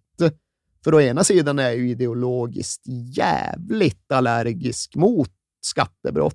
Jag tycker det är direkt provocerande att vi på någon form av liksom nationell nivå sätter sånt oerhört fokus på det så kallade bidragsfusket och är helt obekymrade kring att skattefusket är liksom hundratals gånger Ja, större och framförallt när det är miljardärer som gör det. hur viktig är Ja. den liksom, skatteplaneringen ner i minsta detalj för att tjäna en extra bilismiljon? Ja. Den delen finns verkligen med. Men samtidigt finns också det här med att jag tror ju verkligen, jag tror verkligen inte att Leo Messi har brytt sig åt vare sig ena eller andra Nej. hållet. Han har bara velat släppa det. Och viljan att bara liksom få, få allt ekonomiskt att försvinna, den kan jag relatera till Ja, till ja, ja. 100 procent. Ja, ja. Man vill ju bara bli av med det. Men sen finns det ju en massa andra, ja, det finns, det finns synsätt som ofta är färgade av vilken fotbollsklubb du sympatiserar med. Real Madrid-anhängare menar ju att ja, men det här är ju Messi befläckad för alltid. Och FC Barcelona-anhängare tyckte i alla fall länge att ja, men det här har ju egentligen ingenting att göra med det faktiska brottet, utan det finns en massa andra bakomliggande orsaker. Till exempel den här biografin av Guillaume Balaguer som du nämnde någon gång tidigare. Den tycker jag är rätt bra. Den är Ja. noggrann och den är omfattande och den är heltäckande. Och den ägnas inte så där jättemycket åt eh, glorifierande eller ens värderande. Men när det kommer till den här passagen, då är jag ganska mån om att friskriva Messi moraliskt. För han gör till att börja med gällande att ja, men det är någon typ av halvkvartskomplott. I grunden så bottnar allt det här sig i att skattemyndigheten ville plocka popularitetspoäng under den stora ekonomiska krisen som rådde i Spanien då. Ja. Ja, visst, alltså, ni har det tufft där på gatorna, men kolla, vi är på er sida. Vi sätter hårt åt miljardärerna. Och sen har han också någon harang om hur, ja, oavsett vilket så är ju ändå skattesmitande mer accepterat i latinska länder, för där är ju förtroendet för statsapparaten mycket lägre. Players, or more realistically their advisors, therefore had a huge incentive to classify their income as anything other than earnings from their employer. For a footballer, the most common form of alternative income is in relation to their image rights. If you look at the front cover of FIFA 19, the world's most popular football console game, it features a likeness of Cristiano Ronaldo on the front cover, and sponsors have to pay for the privilege of using the face and name of the star. These rights are often linked to the player directly rather than the club he plays for, and therefore can be classified.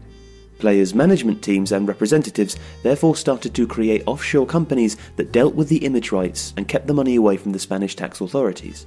In the tax code of most countries, there is a difference between tax avoidance, which is arranging your affairs using existing legislation to minimise your tax bill, and tax evasion, which is defrauding the tax authorities of their rightful share of income. Where avoidance ends and evasion begins is an issue that occupies many hours of time for accountants, lawyers, and government authorities, and usually involves very complicated arrangements. Vi pratade om VM 2014 och en av huvudpersonerna under den turneringen inte fanns bollskicklighet, kanske, eh, får ju väldigt stor betydelse den här sommaren för Barcelona. Va? Ja, Luis Suarez blir ju till sist klar för klubben, men han blir det i kölvattnet av sin egen personliga VM-skandal.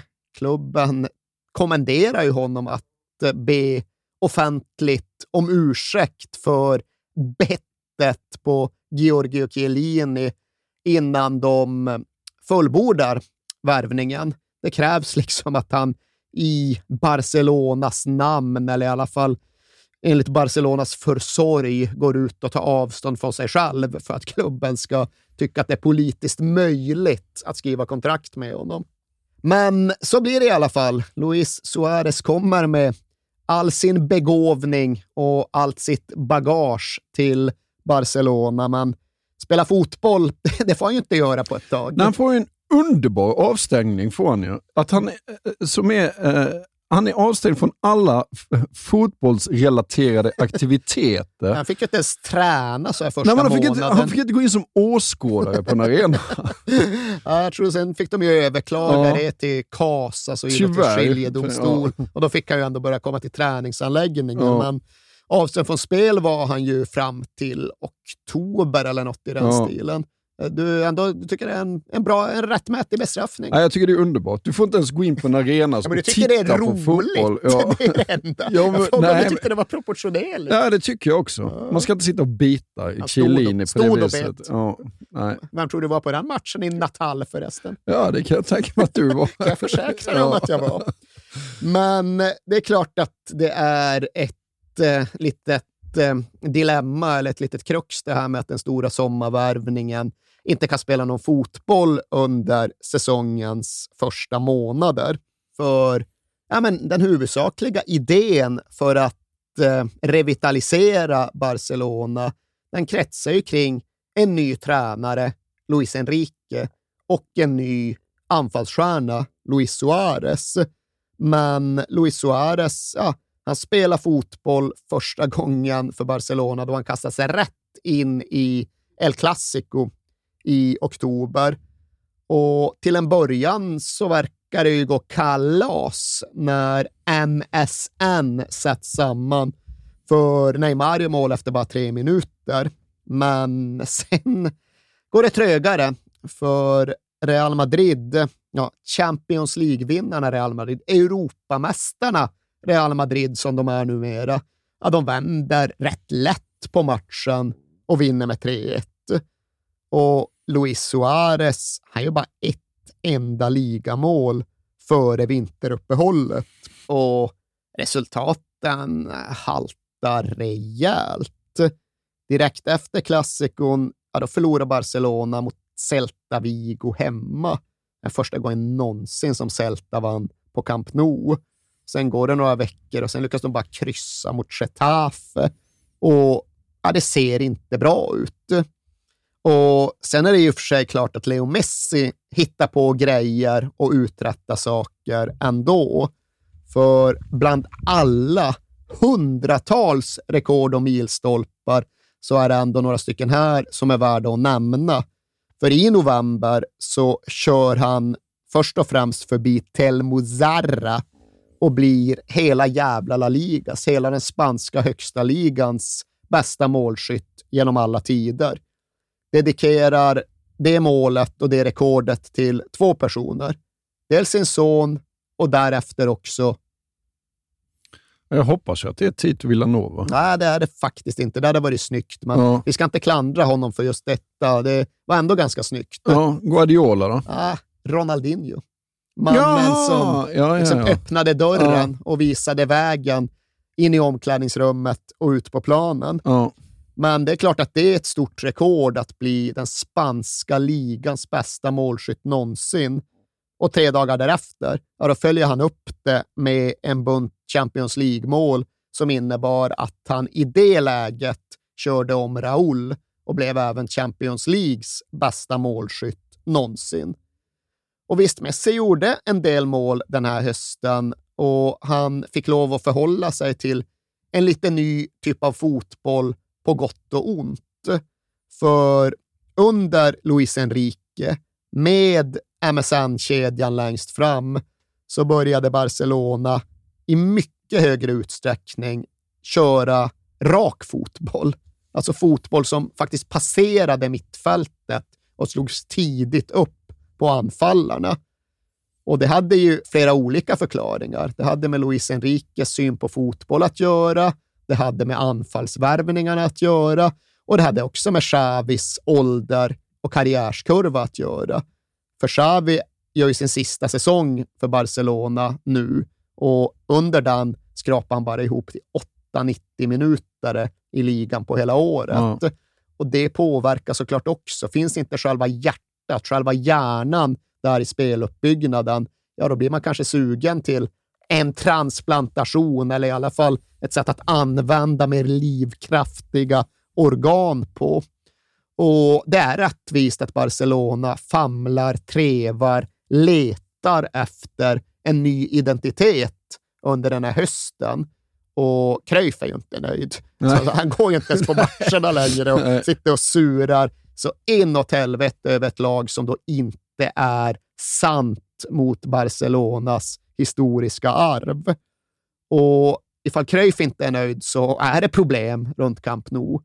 Och ifall Messi inte heller är nöjd, ja, då börjar det vara mörka moln som drar ihop sig över Montjuic. För Luis Enrique är ju en annan typ av tränare än de som har följt på Pep Guardiola. Luis Enrique är en jävla hårding. Luis jag Enrique tänkte? är en trubbig, envis jävel som inte skyr konfrontationer. På sin första presskonferens när han sätter sig och säger det är jag som bestämmer. Det var bara så här, vad fan, är det Gaal som har tagit över? Liksom? Det...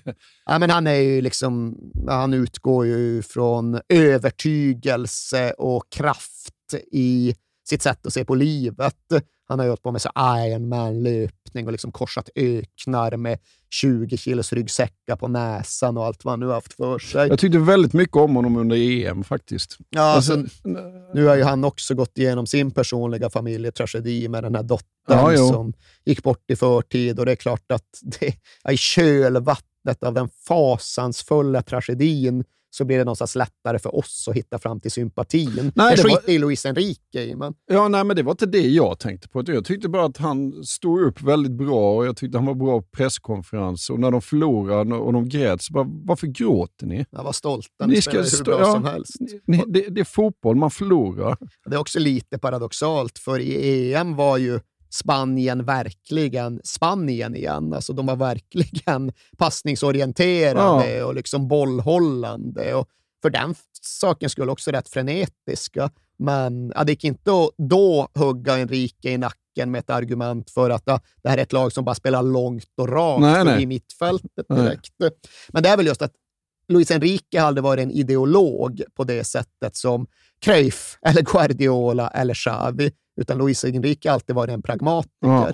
Jaha, nu har vi Messi, Suarez och Neymar längst fram. Men bra om de får bollen då. Jag kickar dit den. det, det, vad är problemet? Ja. Men ja, i just det här sammanhanget så uppstod ju problemet då Luis Enrique, med rätta eller ej, faktiskt utmanade Messi. Och han var ju den första sen Guardiola som ens hade kommit i närheten av att göra det. Mm. Han hade ju också lyssnat och hört och skrivit under på det här med att ja, men, Messi är den viktigaste personen i klubben. Men han tänkte inte för den sakens skull avsäga sig rätten att vara fotbollstränare. Han tänkte inte avsäga sig beslutsrätten. Så han började just ställa krav på Messi. Ja, nu får du sköta det här rent taktiskt. Du får sköta det här rent fysiskt. Du får se till att liksom, komma tillbaka från semestern på den här dagen. Och Messi verkar ju inte ha tagit det så där jättebra till en början, utan han tyckte ju mest bara att det där var en jävla tjurig jävel som skulle komma här och komma. Ja. Vem var han att? Och så vidare och så vidare. Och det är väl inte det mest sympatiska draget hos vare sig en superstjärna eller en människa, men nog fan finns det där hos Messi också. Att det är inte så att egentligen någon kan komma till honom och börja ställa krav och fatta beslut, utan det tycker ju han att det är han som har rätt att göra i alla lägen. Men det här kom då till någon form av, det drogs till sin spets strax efter vinteruppehållet. Det hade sjudit även dessförinnan. hade funnits en match mot Eibar då Luis Enrique tänkte byta ut Messi för att spara honom. Och Messi bara, nej, jag går inte av. Och bara körde på och låtsades som att han inte hade hört något. Och ja, så går det ju faktiskt inte att hålla på. Nej. Och när han sen kom tillbaka från sin vintersemester senare än det var sagt, så fick det konsekvenser. Och det var han inte van med, för han brukade komma tillbaka senare och liksom förlitade sig på att klubben skulle låtsas som att det var okej. Ja. Jaha, var det den här dagen han landade? Jo, men det var egentligen så vi hade sagt hela tiden. Och nu gjorde Luis Enrique precis tvärtom. Ja, kommer du tillbaka först nu, ja, då blir det ju inget spel mot Real Sociedad till helgen. Det fattar du väl? Du är inte i skick för det. Du har liksom inte hållit det vi har kommit överens om. Så det innebar att Leo Messi fick sitta på bänken uppe i ett vinterbistert Baskien och titta på när Barcelona förlorade återigen och sjönk neråt i tabellen. Och morgonen därefter ska han bara strunta i att gå på träningen. Och här är vi ju i ett läge där ja, en slutduell snabbt rycker närmare. Det här tycks bli en sån situation där antingen tränaren går eller spelaren går. Och då är det inte så stor diskussion om vart det tar vägen. Nej. Så Luis Enrique hänger riktigt jävla löst här i januari 2015. Och han gör det i en situation då hela Barcelonas sportsliga ledning samtidigt skakar. Alltså klubben är i kaos. Klubben är i kaos, för sen då president Rosell tvingades lämna så är det ju en interimpresident som har styrt under tiden. Bartomeu. Vi Ja. kommer höra mer om Bartomeu, Oh, ja. Men han, han tycker ju sig ha manöverutrymme även i sin interimroll. Så han börjar ju liksom skära i den sportsliga ledningen helt reservationslöst. Zubizarreta, sportchefen, bort med dig. Jaha, tycker Puyol, som någon form av assistent till ja, då går jag också. Ja. Och Luis Enrique, det var Zubizarretas gubbe, så hans position bara försvagades och försvagades. Så här satt vi i stort sett bara och väntade på att han skulle hoppa eller bli knuffad. Och så fick vi väl lov att se vad som återstod på andra sidan. Men det som istället händer, och jag vet inte ifall vi ska förklara det med personlig mognad eller bara med liksom ointresse, det är ju att Leo Messi i rätt hög utsträckning bestämmer sig för att strunta i Luis Enrique. Ja, men låt han hålla på då, Ja. så får jag väl spela vidare. Och det gör han i alla fall delvis utifrån en bakgrund där han har börjat tycka att det är riktigt kul att hänga med och därefter även spela med Luis Suarez och Neymar. Ja. Och det är avgörande. det är helt avgörande att han ändå sätter värde på deras kemi och deras relation, både på och utanför planen. Och hur växer en sån relation fram sydamerikaner emellan, eller i alla fall liksom Rio de la Plata-folk emellan, argentinare, uruguayaner emellan. Måste vara en rejäl grillfest va? Ja, det är ju två alternativ. Det är en rejäl grillfest eller så är det mate. Alltså det här jävla märkliga Det där teet. teet, ja. Ja. Ja. Som numera är etablerat inom europeisk fotboll som så här inför matchen-dryck. Ja. När de kommer och de här bussbilderna filmas när de går från bussen till omklädningsrummet. Då går ju folk numera runt med sina mate-termosar Ja, och sippar. Ett jävla metallsugrör som de sitter och suger på. Exakt ja, det, ja. Och att dricka mate, det för alltid människor närmare varandra, hävdar Luis Suarez. Jaha. Och det var det som först förde ihop mig och Leo. Så ja, de började dricka te och Ja. snacka te, Jaha. som man gör som sydamerikan. Och upptäckte att de klickade bra tillsammans. Och det där växte ju ganska snabbt, för när Suarez väl skulle hitta ett ställe att bo på så föll det sig så att han flyttade in som Messis granne i Castell de Fels. Och Inte Ron- Ronaldinhos... jag tror inte det är samma Nej, hus. nej. Jag tror faktiskt att de bodde ännu, Ronaldinho bodde några hundra meter bort. Suarez och Messi tror jag fan var husen bredvid Jaha. varandra. Och där skulle de ju sen bli kvar under sina år i Ja. klubben. Den här relationen, den här vänskapen, den medför då också att Messi anstränger sig för att en dittills rätt misslyckad Luis Suarez ska komma in i sitt nya sammanhang. Och han har ju gått centralt sen, ja, egentligen eh, Guardiolas andra år i klubben. Ja. Nu går han till Suarez. Ja, nej, alltså, ska inte jag gå tillbaks ut till höger? Jag kan spela till höger, liksom. det är inga problem. Jag kan liksom Nej. hitta mina ytor. Och så får du spela liksom som klassisk nia, traditionell center. Ja. Ja, men absolut. Det är väl det jag vill mer än något annat. Jag trodde bara inte det funkar här i, i ditt bara, jo, jo. Ja, men så gör vi. Så gör vi. Han gick inte till Enrico sa det, utan han gick och bestämde det själv. Då. Ja, det är i alla fall så. I första hand Luis Suarez återberättare. Messi har inte sagt så jävla mycket om detta, men Luis Suarez, ja, så här gick det till. Så vi blev polare, sen hjälpte han mig på planen. Han sa att jag skulle gå tillbaka in i mitten och att han skulle gå ut till höger. Och sen efter ett tag så liksom, ja, informerade vi Luis Enrique om att vi gjorde på det här Ja. Och Luis Enrique, som sagt, jag ska inte säga att han är prestigelös, men han är en pragmatiker. Han rycker väl på hans kommentar, ja, när vi förlorar är det mitt fel och när vi vinner så är det spelarnas förtjänst. Ja. Det är väl bara så det är. Så tro vad ni vill. Mm. Men det här relationsbyggandet längst framåt på topp i Barcelona, det stannar ju inte heller vid Suarez och Messi, utan en blomstrande, lite oväntad vänskap byggs ju även upp mellan Messi och Neymar. Ja. För ja, Neymar hade inte heller haft någon särskilt enkel första tid i Europa. Han och ja, men hans familjs ekonomiska upplägg blev ju någonstans anledningen till att hela FC Barcelona höll på att skaka ner i någon typ av jordbävning. Ja. Och spelet funkade väl lite sisådär. Och sen följde v- hemma-VM på det. Och, ja, vill ni veta hur det var för Neymar så har ni två andra avsnitt att Ja. lyssna på. Men det var mycket tyngd på ganska unga och ganska späda axlar. Men återigen, lyssna på hur han återberättar det så får du upp en ja, men, ny bild av lagkamraten och ledarfiguren Leo Messi.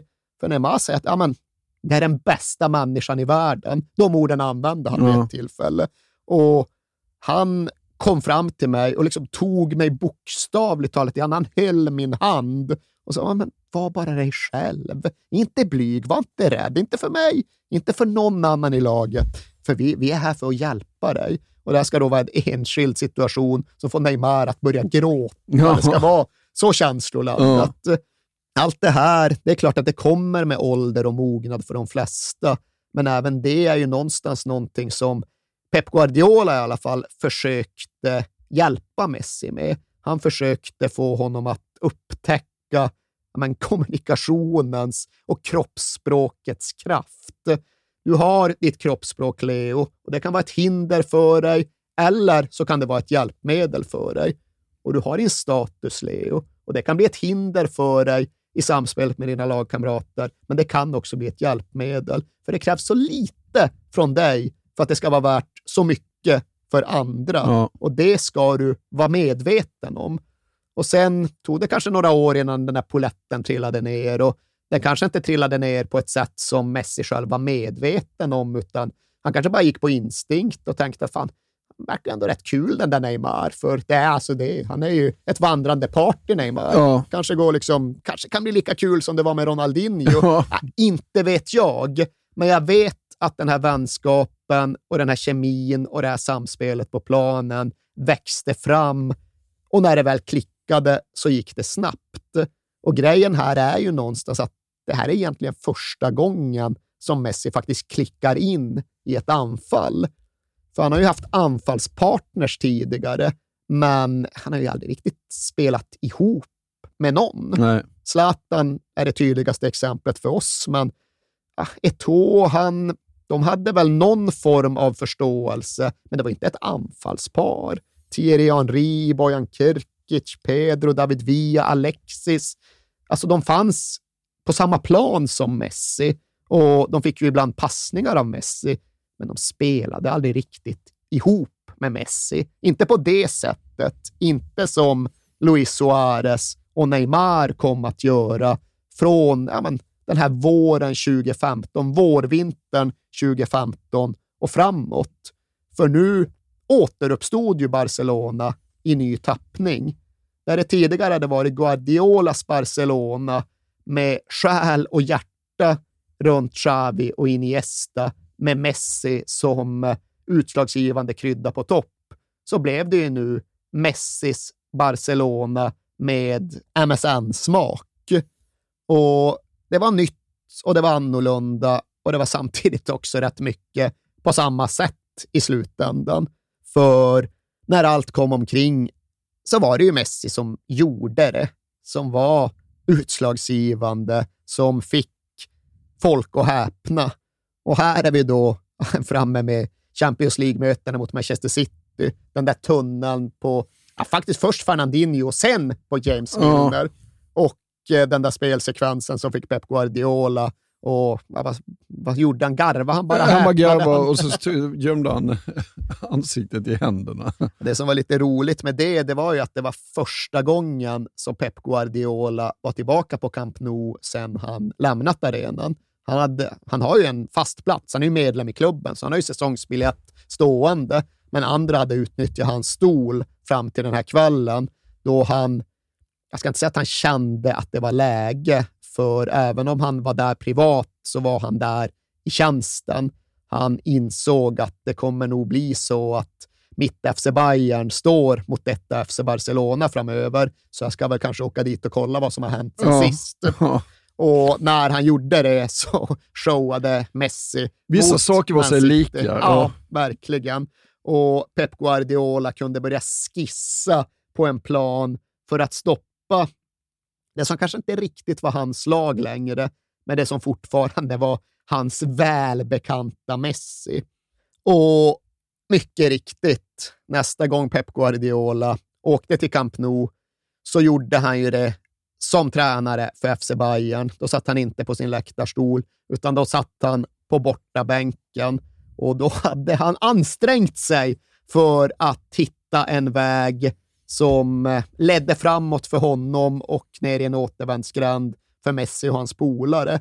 Och under lång tid såg det ut att lyckas, för FC Bayern gör en bra match och FC Bayern gör en bra match på ja, men det som ändå är Guardiolas eget Barcelona-sätt. Det går att hävda att de kommer dit och är mer Barcelona än Barcelona själva. Ja. För de har ju mer possession. Ja. De vinner för andra gången på 442 matcher. Så man kan säga att Pep vann hur den gick. Liksom. Nej, vi, ska, vi ska inte göra honom den Nej. otjänsten att vantolka honom, men det ser ändå bra ut med en kvart kvar. 0-0, ett mått av kontroll som ju Guardiola uppskattar mer än till och med possession. Men eh, att tro att man har kontroll på Leo Messi, det är väl det farligaste man kan göra. För sen gick det en kvart och sen hade Messi gjort två plus ett och så hade Bayern förlorat med 3-0 Ja. och någon form av revansch hade utkrävts från överkörningen två år tidigare. Och det är ju inte några tråkiga aktioner han gör den här gången heller, Messi. Och här är ju framför allt då 2-0 målet som har blivit ikoniskt då han vänder ut och in på världsmästarbacken Jerome Boateng och sen Just. chippar bollen förbi världsmästarmålvakten Manuel Neuer med sin högerfot. Ja. Som sagt, oproportionerligt många av de mest klassiska målen som är med högern. Here's Rakitic. The game deserved a goal. And uh, I guess it deserved that goal scorer. And here he is again. Here he is again. That's astonishing. It's absolutely world class.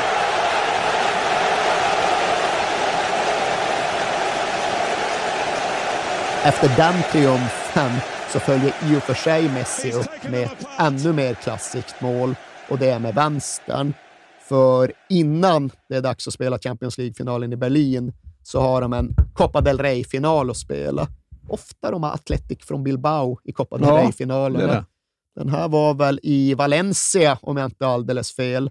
Och målet som Leo Messi inleder målskyttet med, det är väl i alla fall för många det mest klassiska han har gjort i FC Barcelona. Och du vet väl vilket jag menar, förutsätter jag. Du ser bekymrad ut. Ja, fasen. Nej, vilket tänker du? Alltså, Du, lever ju ditt liv på YouTube numera. Och Ja. ifall du just går in på något så här, the greatest Messi goals med liksom psykotisk jävla Sven Väth-techno, då brukar det vara det här målet som ligger etta. ja. Och det är ju ett mål som på ett sätt påminner lite om den här dribblingsräden mot Getafe, för han får bollen på ungefär samma position.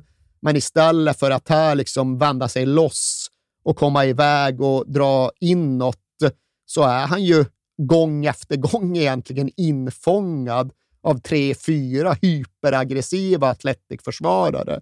Men han lurar dem gång efter annan på den minsta jävla yta och han dribblar hela tiden med långlinjen som motståndare också. Ja. Som de brukar säga i Spanien, långlinjen är den bästa backen som finns, Ja. för han liksom täcker en hel jävla spelriktning.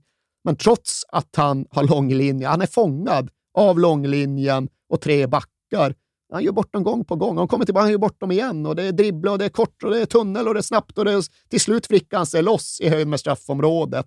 Skär in, kommer mot ytterligare någon back, skär förbi och så dunkar in en vänster i närmsta. Ja. Och det går inte att objektivt slå fast att det är det vackraste av alla hans Barcelona-mål, men jag tror det är den populära uppfattningen. Ja.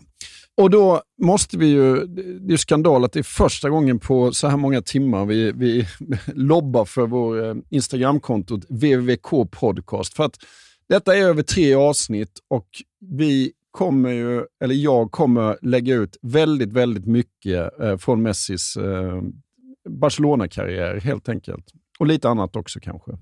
Så gå in på VVK podcast så kan ni få väldigt, naturligtvis det här målet också, men väldigt mycket annat också. Och vi får ju resignera inför faktumet att hur mycket vi än pratar och hur många ord vi än använder och hur många timmar vi än sitter i så bleknar såklart våra röster och våra beskrivningar mot att se, titta och uppleva Messi med de egna ögonen. Så, så Instagramkontot vinner ju. Ja, men som Guardiola sa, man ska inte prata om Messi, man ska inte läsa om Messi, man ska se Messi. Och vi skriver under på det och Ja. pratar därför ja, 11-12 timmar om Messi.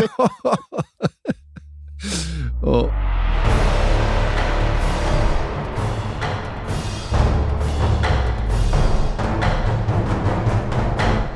och till slut så är de då framme vid Champions League-final och där väntar Juventus. Jajamän, och det är ett det är sannerligen ett konkurrenskraftigt Juventus. Det är ingen överkörning den här gången. Det är inte en repris på Man United på Wembley 2011. För ja, Juventus är starkt och FC Barcelona är ju uppriktigt sagt inte riktigt lika komplett. Men FC Barcelona har en otrolig spets. Och på något sätt är det väl ett styrketecken att den spetsen förblir potent även i den här matchen då det faktiskt inte är Messi som är avgörande. Eller han är väl avgörande så tillvida att jag skulle nog ändå hålla honom som matchens bästa spelare och det är väl han som drar upp och drar fram till segermålet, 2-1 målet. Men det är Luis Suarez som gör det och det är Neymar som stänger matchen med dess allra sista spark in i ett övergivet Juventus-mål och liksom beseglar 3-1-segern. Men det känns, nej, det känns inte fel, det känns inte liksom skevt på något sätt, utan det känns rätt och riktigt. För den här våren är absolut Leo Messis återigen, men den är väl ändå Leo Messis i andra hand och MSN-kedjans i första hand. Den här gången gjorde han det mesta med egna fötter, men han gjorde ju inte allt själv. För alltså det målsnitt som den här anfallstrion piskar upp från det att allt lossnar i början av vårsäsongen, det är ju också ja, men, så högt att vi måste tillåta oss att täpna över det en liten stund. Alltså, den här säsongen gör MSN-kedjan totalt 122 mål. Ja. Och bara det är 2,42 per match. Ja.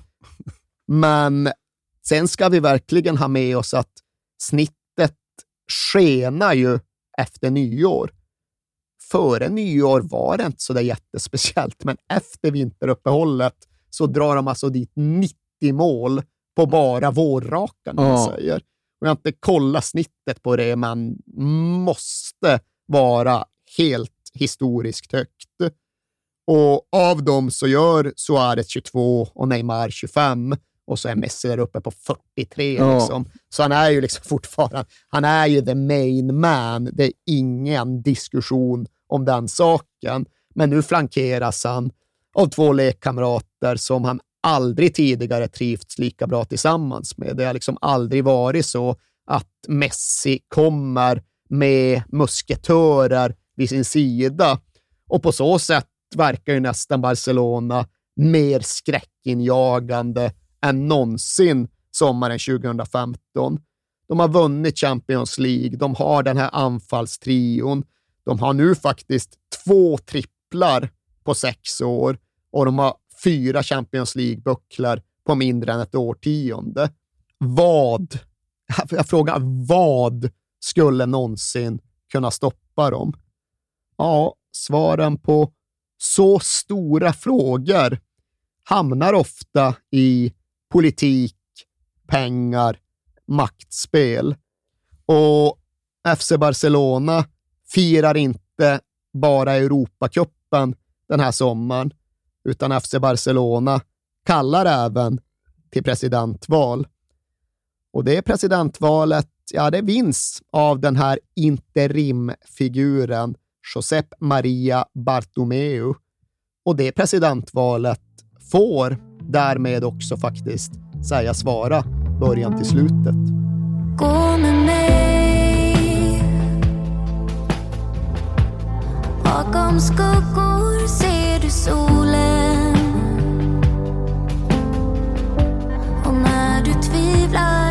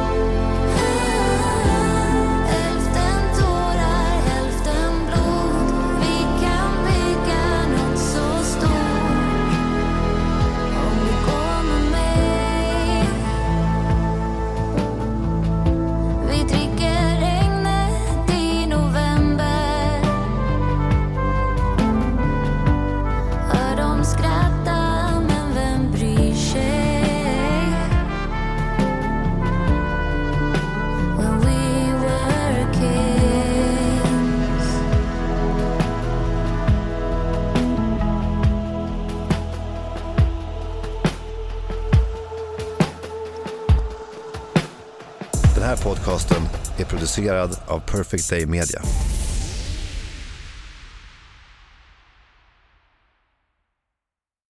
Sen måste vi diskutera någon gång också var, varför är Je inte Gud utan Jesus så jävla het i Brasilien? Ja, det är alla pannband och sånt där. Ja. Jesus och de lyfter